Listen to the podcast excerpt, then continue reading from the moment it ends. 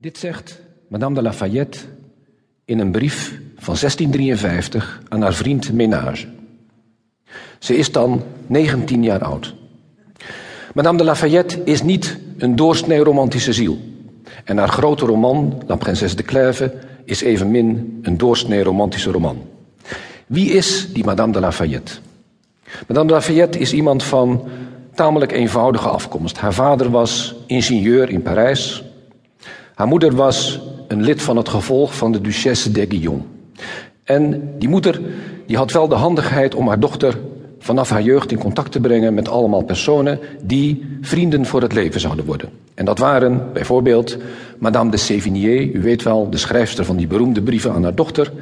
Dat was ook Henriette d'Angleterre. En Henriette d'Angleterre, dat was de dochter van Karel I van Engeland. En die was omgebracht in Engeland, die was geëxecuteerd.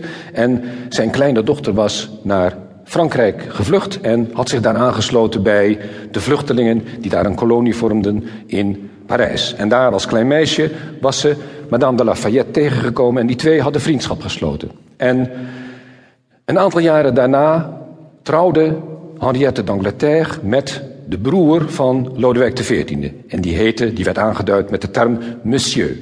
Dat was niet zo'n gelukkig huwelijk, want monsieur die viel meer op jongetjes dan op meisjes. Maar daar zat Henriette van Angleterre niet erg mee. Ze troostte zich met allerlei verhoudingen.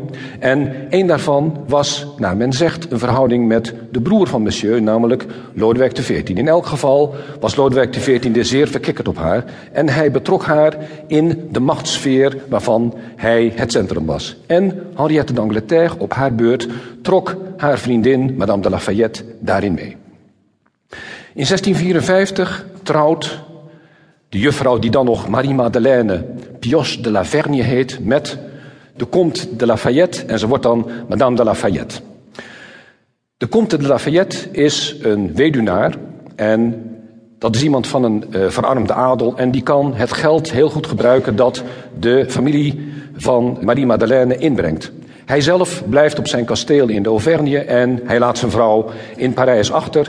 En die heeft daar een salon in de Rue de Vaugirard en daar ontwikkelt zij haar cultureel-politieke carrière. Een echte carrière, want Madame de Lafayette begeeft zich successievelijk in alle belangrijke kringen van die tijd. Om te beginnen in de kring van de précieusen. U weet wel, die groep die door Molière nog zo belachelijk is gemaakt in zijn précieuze ridicule.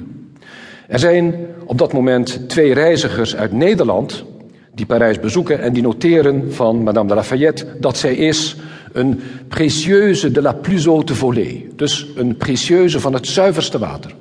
Dat is in het begin van de jaren 60, dus 1660, 1670.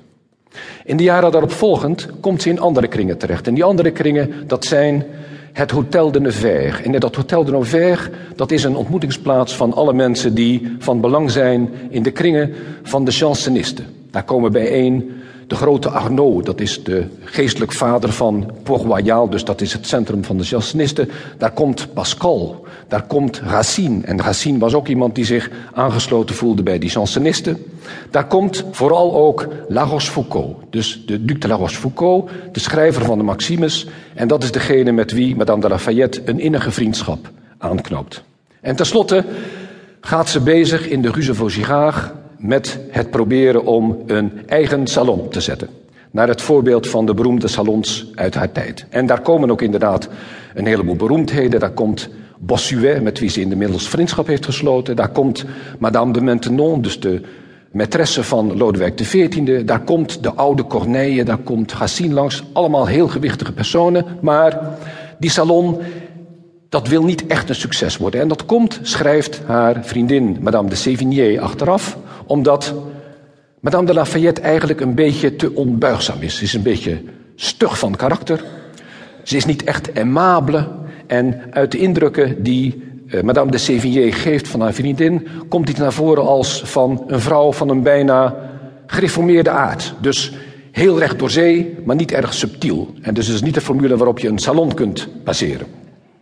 Dat wordt dus niet echt een succes, maar ze heeft daarnaast nog een heleboel andere successen. En die liggen voornamelijk op politiek gebied. Dat zou je zo niet verwachten.